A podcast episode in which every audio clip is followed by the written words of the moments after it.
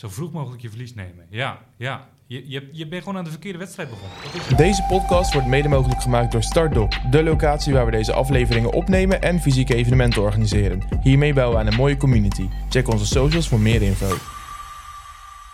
Vandaag is Erik bij mij aan tafel om zijn grootste fouten en leermomenten te delen. Ehm, Erik, welkom. Kun je in een paar zinnen uitleggen wat je momenteel zakelijk gezien doet? Ik ben vijf jaar geleden begonnen met Puls, wat een eh, agency is die zich richt op het maken eh, van een merkgerichte website voor onze merken. En eh, alles daaromheen. Dus als het gaat om het creëren van bereik. En wat ons onderscheidt is inderdaad dat we echt alle facetten in huis hebben om uiteindelijk tot een merkgerichte website te komen. Waarmee je dus niet alleen nieuw business binnenhaalt, maar ook personeel aantrekt. Ja, heel mooi. Misschien ook wel leuk om te vermelden dat ik jaren geleden, voor mijn gevoel, eh, ook bij jullie stage had, eh, had gelopen. Ja. Eh, dus dat is ook wel leuk om die, om die verandering te zien. En natuurlijk vandaag jou te gast hebben in de podcast. Voor mij extra bijzonder. Dus nogmaals, welkom. Je hebt een interessant verhaalverhaal. De luisteraars zijn benieuwd en ik ook. Laten we er gelijk in gaan duiken. Ja, in deze podcast ga ik vandaag delen hoe wij een websiteproject hebben aangenomen. Een webshop-project, waar we uiteindelijk rond de 50.000 euro op hebben verloren. 50.000 euro. 50.000 euro. Oké, en hoe is, dat, eh, hoe is dat gegaan? Nou, wij ehm, hebben eh, eerder dit jaar hadden we een developer eh, aangenomen. De jongen had een achtergrond in design en heeft zichzelf daarnaast het stuk, een stuk webdevelopment aangeleerd. Wat voor ons de ideale combinatie leek met onze huidige werkwijze ook al. Maar er gingen daarnaast nog meer mogelijkheden voor ons open door het aannemen van die jongen. Zo op een gegeven moment hebben we voor een klant een display ontworpen voor in een pop-up store waarop iemand eh, compleet zelf zijn parasol kon samenstellen. Eh, je kon de kleur kiezen van de, eh, van de mast van de parasol, je kon de kleur van de stof kiezen, je kon het model kiezen. En met een druk op de knop paste alles aan en wijzigde ook de prijs en kon direct een bestelling ingediend worden. Super toffe ervaring, ontzettend mooie configurator. Met die ervaring in onze zak dachten we, nou, eh, een webshop moet ook wel lukken. Dus wij hebben eh, toen in gesprek met een klant eh, hebben we het over zijn webshop gehad. En wij hebben toen een voorstel uitgebracht voor die webshop om die shop ook te gaan ontwikkelen. En daar is eigenlijk alles fout gegaan. Nou, we begonnen natuurlijk met het idee dat het wel moest lukken. Op een gegeven moment hadden we de, hadden we de deal rond. We zouden de webshop gaan bouwen. Het was op zich geen hele bijzondere webshop. Een paar complexere filters en het waren wel best wel een aantal producten. Het waren rond de 1500 producten. Ja, het design, dat, dat vroeg niet zo heel veel. Dus wij waren enthousiast van start gegaan. En eh, we hadden een redesign gemaakt. We hadden de website opnieuw ontworpen. Dus het plaatje hadden we al. Eh, en dat moest vervolgens ontwikkeld gaan worden. Eh, nou, de website hadden we op zich voor een mooie prijs verkocht. Afgesproken dat we die website zouden bouwen voor 15.000 euro. Dus het begin ging ook heel lekker. En toen op een gegeven moment kwamen we in die development fase. En toen eh, hebben we verschillende dingen geprobeerd. Dus met welk programma gaan we de website ontwikkelen? In welke codes moet het geschreven worden? Allemaal zaken die best wel complex waren voor ons. Is misschien ook wel de reden dat ik, dat ik het lastig uit kan leggen. Maar het, lag ergens buiten ons kunnen. Dus we hadden het design hadden we af en we gingen steeds verder het project. En op een gegeven moment hadden we eh, een keuze gemaakt. We zouden de webshop in eh, eh, WordPress bouwen met WooCommerce. En ehm, heel de frontend zou op basis van Oxygen gemaakt worden. Dus zo waren we begonnen. En ehm, een zorg die eigenlijk bij mij al op dat moment aanwezig was, was... als we nou op deze manier die webshop gaan maken, eh, kan iedereen er dan mee werken? Dus als die jongen stopt, wie gaat er dan mee verder? Kunnen andere bureaus met deze webshop werken? Het antwoord daarop was de hele tijd ja, alleen ik kon het niet controleren. Dus ik geloofde er maar op dat het zo was. Ehm, maar achteraf bleek dat totaal niet het geval te zijn. Oxygen is een heel mooi programma waarin heel veel kan. Je kunt alles precies bouwen zoals je zelf wilt. Alleen één groot nadeel van Oxygen is dat het heel weinig over gedocumenteerd is. Waar heel veel eh, methodes om websites te bouwen een soort van industriestandaarden zijn, waarover heel veel is gedocumenteerd, waarop heel veel werkwijzes zijn vastgelegd, is dat bij Oxygen gewoon niet zo het geval. Ja, daardoor is eigenlijk alles op eigen inzicht in elkaar gezet, maar het is een soort van ja, eh, haakwerk geworden wat aan de voorkant op zich best wel mooi uitziet, maar wat aan de achterkant zo complex is dat er gewoon verder niemand mee kan werken. Dus dat duurde steeds langer en langer. Het project liep ook ontzettend uit de klauwen. Dus we hebben sinds vanaf het moment dat we die development fase in zijn gegaan, hebben we deadline na deadline na deadline hebben we gemist. En steeds waren er weer nieuwe actiepunten die opgepakt moeten worden. Steeds waren er weer nieuwe features die aan de website toegevoegd moesten worden, die, nou, die niet duidelijk in beeld waren gebracht. Wat allemaal weer extra tijd kostte. Dus never ending story. Maar als ik het even mag samenvatten, uh, jullie hebben eigenlijk een project aangenomen voor een webshop, Mhm. waar jullie vooraf niet heel veel de expertise over hadden. Vervolgens gaat het fout, deadlines worden niet gehaald en eh, het project wordt heel erg lastig te managen. Ja. Ehm, hoe, hoe verder? Wat is er vervolgens gebeurd? Dat, van van die expertise is nog wel even belangrijk. Ehm, dat is dus een heel specifiek deel van expertise wat er niet zat. Het ontwerp was heel goed, het was een verbetering. Het was een stuk gebruiksvriendelijker ontworpen dan de vorige website. En uiteindelijk het bouwen, dat was, ja, dat was iets daar... die, die jongen die dat uiteindelijk eh, had gedaan... Die, die had er heel veel vertrouwen in dat dat allemaal wel kon... en dat het niet zo moeilijk zou zijn. Alleen dat stukje expertise, dat misten wij zelf. En ja, daardoor hebben we, hebben we daar op goed vertrouwen zijn we daarmee aan de slag gegaan. Maar ja, hebben we de complete controle over verloren. En waarom, nou ja, waarom kom je dan uiteindelijk op dat bedrag uit? Omdat het zoveel tijd kost. Dus het zijn, alle, het, zijn allemaal uren die niet ergens anders ingezet kunnen worden, waar je gewoon voor betaald wordt. Uiteindelijk heeft dit er ook toe geleid dat, dat we het project hebben gecanceld. Veel te laat. Hadden we echt al veel eerder moeten doen. Is dat niet een hele mooie learning? Dat je moet weten wanneer je verlies moet nemen. Ja. Dat, dat, dat is de learning. En natuurlijk zou je ook kunnen zeggen, neem geen projecten aan waar je niet de expertise over hebt. Alleen, ik denk wel juist dat op deze manier dat het ook heel vaak goed kan gaan. En dat je juist nieuwe skills kunt aanleren door projecten te doen die je normaal gesproken niet doet. Ja, ja kijk, ehm, ik ben het inderdaad volledig met je eens dat je soms ook gewoon, gewoon moet zeggen: oké, eh, we doen het gewoon. Dus ook al, eh, eh, ook al hebben we het nooit gedaan, we zeggen gewoon dat we het kunnen. We gaan er gewoon voor. En we zullen er vast niet heel veel op verdienen, maar we zullen in elk geval iets nieuws leren. Nou, met die mindset waren we er ook wel ingegaan. En het project leek ook helemaal niet zo complex dat, dat was echt een gebrek aan expertise. We hadden geen controle op, we hadden te weinig kennis. Wat voor mij persoonlijk de sterkste les is die ik hieruit heb getrokken, die ik eruit moet trekken ook en mezelf continu aan moet herinneren, ook in de toekomst, is gewoon het onderbuikgevoel. Ik heb zo lang met een verkeerd onderbuikgevoel op dit project zijn we doorgegaan. En er kwam steeds meer frustratie. Er kwam frustratie bij de jongen die het aan het bouwen was, omdat het allemaal moeilijk was. En hij was echt alleen nog maar daarmee bezig, had geen ander werk meer, ook omdat het door moest gaan. Eh, het frustreerde de klant, omdat, eh, eh, omdat er steeds deadlines gemist werden. En het frustreert natuurlijk jezelf enorm. Omdat je steeds denkt van nou, we zijn op 90%. Maar toen we voor het eerst dachten dat we op 90% waren, toen waren we echt nog maar op, op 20%. Dus dat, dat bleef maar doorgaan. Ja, wat ik echt moet, moet veranderen, wat ik moet doen, is als het fout voelt, is het vaak ook fout. Aan de andere kant, wat ook heel erg lastig kan zijn, is hoe communiceer je dit naar de klant? Hoe zorg je ervoor dat de klant, ondanks zo'n vervelende situatie, toch nog positief over je blijft? Of enerzijds eh, de schade beperken? Hoe doe je dat? Ja, communicatie dat is inderdaad een ding wat, eh, wat super belangrijk is in zo'n situatie. En in het begin communiceren we denk ik ook wel te weinig. Wat is voor ons uiteindelijk key geweest om toch op een goede manier met elkaar door te blijven werken eraan? Dat is echt openheid van zaken geven. Dus eerlijk zijn, eh, we hebben het verkeerd ingeschat. Op het begin leek alles erop te wijzen dat het gewoon een project is wat we echt prima aan kunnen. Wat we gewoon binnen de deadlines gaan eh, eh, nelen, wat gewoon gaat lukken. Bleek gewoon totaal anders te zijn. Je klant ook meenemen in, hoe stom het ook klinkt, maar dat de situatie voor, eh, niet alleen voor de klant vervelend is, maar ook voor jouzelf. Dat het jezelf ook ontzettend veel kost. Dus we zijn wel open geweest in eh, de uren die erin gaan, de bedragen die we daarmee ook mislopen. Daarmee blijft de relatie goed. Daarmee blijft de relatie goed. Anders dan kan de klant zomaar het gevoel krijgen dat je, eh, dat je er een loopje mee neemt. Dat de klant niet belangrijk is voor jou. En dat het project niet belangrijk is. Nou, dat was echt wel zo.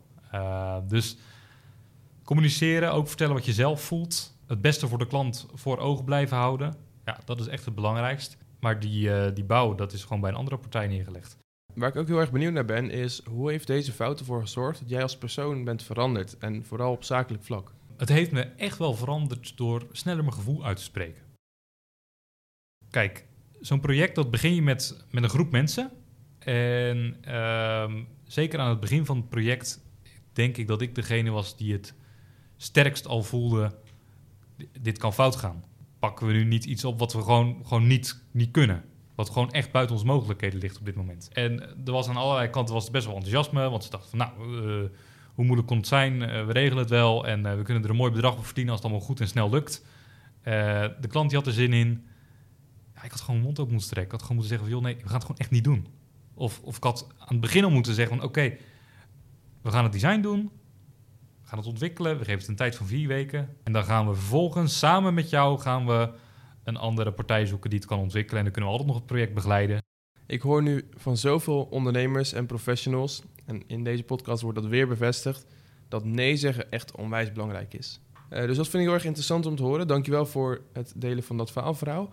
Wat ik ook uit jouw verhaal haal, is dat je natuurlijk iemand hebt aangenomen die niet helemaal goed paste bij um, de wensen. Wat zijn de lessen die je daaruit hebt gehaald? Wat is daarmee gebeurd? Wil je ja. ons daarin meenemen? Nou, het was niet alleen het project in die zin wat we verkeerd hadden ingeschat. Het was inderdaad ook uh, die jongen die, uh, die bij ons kon werken, die we in dat opzicht ook verkeerd hadden ingeschat. Uh, waar we dachten dat hij op het gebied van ontwikkelen heel goed overweg zou kunnen met Webflow, dat hij dit heel snel zou oppakken, was dat toch echt anders. Hij was veel meer programmeur en niet zozeer webdesigner met een beetje front-end experience. Dus alles werd met scripts en code opgelost, terwijl je dat met een klein beetje frontend vaak ook kan doen. En wat wij dus hebben gedaan is geprobeerd een plek voor hem te creëren. Dus we hebben projecten opgezocht waarvan wij dachten dat die passen bij die jongen. Um, in het begin noemde ik al even het uh, voorbeeld van die configurator, van die parasolen. Dat was een super tof project. Alleen als we alle red flags zeg maar eerder al serieus genomen hadden, dus het feit dat die eigenlijk niet helemaal past bij onze visie, want we zijn geen softwareclub. Als we eerder die uh, rode vlaggen serieus hadden genomen, dan hadden we al uh, kunnen zien dat zijn skills, wat hij het liefste doet, dat dat niet aansluit bij onze visie. En uiteindelijk moet je dan niet je eigen visie links laten liggen, maar dan moet je gewoon zeggen, het werkt niet. En dat is, uh, dat is heel zuur voor iedereen. Um, het was een toffe gast. Hij uh, past heel leuk in de club. Je had lol met elkaar, kon leuk met elkaar samenwerken. Maar zijn skills matchten gewoon niet. Dus ook dan kom je eigenlijk weer bij dezelfde learning. In eigen gevoel luisteren. Ja, zo vroeg mogelijk je verlies nemen eigenlijk. Zo vroeg mogelijk je verlies nemen, ja. ja. Je, je, je bent gewoon aan de verkeerde wedstrijd begonnen. Dat is het. Zodra je die conclusie kan trekken, dan moet je stoppen. moet je of zorgen dat je klaar bent voor die wedstrijd. Trainen, leren. Of gewoon een wedstrijd kiezen die wel past bij wie je bent en wat je al kan. Ja, maar dat is ook weer iets, hè? Falen in de zin van het uitkiezen van een verkeerd persoon. Waarbij je dus aan de voorhand denkt van nee, deze persoon past wel bij ons. Maar dat het achteraf niet blijkt.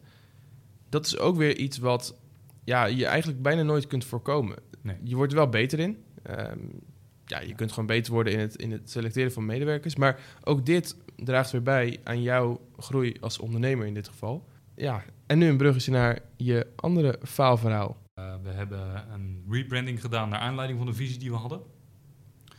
En um, wat er is gebeurd is dat wij heel erg in de toekomst hebben gekeken. Dus waar willen wij naartoe? Dat is supergoed, want daardoor ben je gedreven, daardoor maak je nieuwe plannen, nieuwe ideeën. En daar is toen uiteindelijk uitgekomen dat we veel meer met de corporates willen gaan werken. Daar hebben we al een beetje ervaring in. Dat gaat heel goed. Die samenwerkingen zijn fijn. Hoe gaan we daar komen? We willen ons echt onderscheiden in de expertise die we hebben. De ultieme manier om dat te demonstreren is door uh, je kennis te delen. In de vorm van trainingen. Dus wij hebben op een zeker moment zijn wij gaan kijken welke onderwerpen zijn nu uh, een hot item. Zeker in de corporate wereld. Ja, daarin zie je gewoon dat er ontzettend personeelstekort is. Dat zeker de corporates, de grote bedrijven, die zijn heel erg bezig met hun merk. En um, een heel belangrijk onderdeel daarin, wat hand in hand zou moeten gaan met de recruitment, is employer branding. Absoluut. Dus wij hebben toen besloten om die employer branding workshop te ontwikkelen. We zijn met onze merkstrateeg en een aantal andere specialisten zijn we aan de slag gegaan. En uh, we hebben die workshop ontwikkeld. Dat is uiteindelijk een workshop geworden die staat echt ijzersterk. Top workshop. Probleem is alleen uh, dat het nog te ver afstaat van wie we nu zijn. Dus op dit moment zijn we een website agency die gespecialiseerd is in bouw van merkgerichte websites veelal voor grote MKB-bedrijven. zeg tussen, als je het over personeelsaantallen hebt, tussen de 50 en 250 mensen personeel. Dat zijn de bedrijven waar we nu voor werken, niet corporates. En ehm, we zijn te veel tegelijk gaan doen. Met die focus op de toekomst, die employer branding workshop, um, onszelf echt positioneren als een branding agency met merkstrategie, zijn we eigenlijk die klanten die we hebben, die grote MKB-bedrijven met merkgerichte websites, zijn een beetje te veel uit het oog verloren in onze marketing. Ik denk dat de belangrijkste les die daarin zit, is dat je niet los moet laten wat tot nu toe jou heeft gebracht waar je nu bent. Dus die merkgerichte websites, daar hebben we superveel kennis en know-how over. We weten precies hoe je daar moet komen. We hebben een fantastische merkstratege. We hebben verschillende designers die supergoed mee kunnen helpen. Binnen Webflow kunnen we ons uitleven en echt eh, websites maken die zo goed aansluiten bij wat bedrijven zoeken. En uh, op een zeker moment zijn we uh, dat steeds minder gaan communiceren. Dus we hebben ons steeds meer als een strategisch bureau neergezet. Steeds meer het stukje consultancy wat we doen, hebben we in de schijnwerper gelegd. Alleen ons core product is nog steeds die website. Dus we hadden het erbij kunnen doen. We hadden het erbij kunnen vertellen. Alleen we hadden die website hadden we niet los moeten laten. En in het verleden is dat ook 9 van de 10 keer is dat de trigger geweest waar klanten mee uh, aan tafel kwamen met ons vraagstukken rondom een website. Dus een klant die wil meer uit zijn website halen, wil meer business uit zijn website halen, wil meer partners vinden, wil zijn bereik vergroten, wil nieuw personeel, nou, noem het maar op. Die komen met die vraag bij ons. En uiteindelijk kom je dan wel bij strategie, merkstrategie, websitestrategie. Alleen dat gesprek uh, en die vraag die werd altijd gecreëerd op het moment dat wij in gesprek gingen met klanten. Dus wij stellen bepaalde vragen. Voor wie ben je er nu? Waar wil je naartoe? Past je huidige uitstraling positionering bij waar je nu naartoe wilt gaan? En in die gesprekken kwam uiteindelijk altijd die opdracht wel voor ook een stuk merkstrategie. Alleen wat we dus waren vergeten is dat de markt niet op zoek is naar merkstrategie, maar dat ze op zoek zijn naar het eindresultaat een website die zorgt voor, nieuwe, uh, uh, voor nieuw business. Wat wij daarin voor nu verkeerd hebben gedaan, is merkstrategie als een einddoel verkopen. Het is helemaal geen einddoel. Het is, het is een middel. Dus ik denk dat dat wel een belangrijke les is. En zou je dat kunnen voorkomen door eigenlijk een aparte label erbij te maken die zich focust op een ander type klant? Dus in dit geval de corporate, in plaats van alles op één business te gooien? Zeker. Het is, het is alsof je nu een kijkje neemt in de strategie die we aan het ontwikkelen zijn voor de toekomst. nou, we hadden het eerder natuurlijk over, nou ja, je moet niet uh, geen wedstrijd spelen die je niet kunt spelen. En ik denk dat uh, hetzelfde geldt voor, je moet geen drie nieuwe wedstrijden tegelijk willen spelen. Wat voor ons nu het doel is, is om in eerste instantie die grote MKB-bedrijven met een merkgerichte website, om dat groter te gaan maken. Om daarin te groeien. En op het moment dat, daar, nou, dat we daar een leuk team op aan het werk kunnen zetten, dat het loopt, dat daar nieuwe sales op binnen blijven komen, dan zijn we klaar om uiteindelijk ook die stap naar corporate te gaan maken. En dat zou inderdaad prima met een ander label kunnen. Ja. Of een andere divisie, hè? dat is een stukje merkstrategie. Ga je er een andere merknaam op plakken? Of daar ben ik normaliter niet zo'n fan van. Want als je twee merken hebt, dan moet je ook gelijk je marketingbudget gaan splitsen. Ik ben meer van één sterk merk bouwen dan twee oké merken. Maar het is in elk geval belangrijk om niet alles tegelijk te willen doen. En, en, en ervoor te zorgen dat je in elk geval eerst op het ene onderdeel, dus uh, die websites, uh, dat je daarin stabiel draait, dat je daarin uh, de hoeveelheid werk structureel binnenhaalt die je wilt doen ook. En daarna kun je verder kijken, wat is de volgende stap? Is dat ook een beetje te koppelen aan hoe ondernemers nou eenmaal zijn. Dus die drive, die ambitie om veel te willen in een korte tijd en zo groot mogelijk en de big dream. En dat we daardoor dan eigenlijk de misstap maken naar te veel in één keer doen. En dat we de focus kwijtraken. Ja, ik denk het wel. Je moet gewoon jezelf echt ergens in vastbijten. En het is denk ik ook wel een beetje wishful thinking. Hè? Dus je denkt, nou, uh, we hebben wat extra werk nodig. Uh, employer branding, dat gaat, uh, gaat onze grote redding worden. Want daar zit de markt op te wachten. Terwijl je eigenlijk je core waar je mee bezig was, heb je nog niet genoeg doorgeoptimaliseerd. Je moet eerst die complete succesformule uitgewerkt hebben. Met sales, marketing, maar ook uiteindelijk hoe ga je een klant weer upsellen. Hoe ga je ervoor zorgen dat een klant ambassadeur wordt? Dat is het allerbelangrijkste.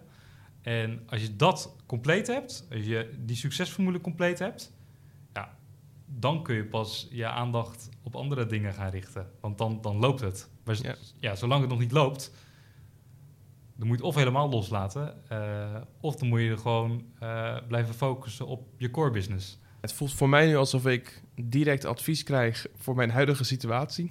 Waarbij ik dus aan de ene kant focus op educatie voor freelancers, omdat ik het heel erg belangrijk vind om dat toegankelijk voor hen te maken. Aan de andere kant dan nu weer de podcast en de bijbehorende community waar ik eh, dan mee bezig ben. En dan herken ik wel heel erg wat jij zegt, dat je continu door wilt gaan, terwijl het ene nog niet helemaal is waar het moet zijn. Ja. Dus dat vind ik een hele mooie. Ik denk dat het eh, heel erg waardevol is geweest dat we deze aflevering zeker hebben opgenomen. Eh, net zoals alle andere. Ik wil hem gaan afronden, maar voordat we dat gaan doen, ben ik nog benieuwd naar jouw visie rondom falen. Wat is jouw belangrijkste advies voor de luisteraars als het gaat om falen? Schaam je niet. Eh, als je faalt, dan, dan ben je eigenlijk supergoed bezig. Want als je niet faalt, dan heb je niks gedaan. En daarom vind ik deze podcast ook zo'n fantastisch initiatief. Uiteindelijk is het zo dat als je wil winnen, dat je tien keer zoveel moet falen voordat je wint. We gaan hem afronden. Super bedankt voor je komst en eh, wellicht tot de volgende. Dankjewel.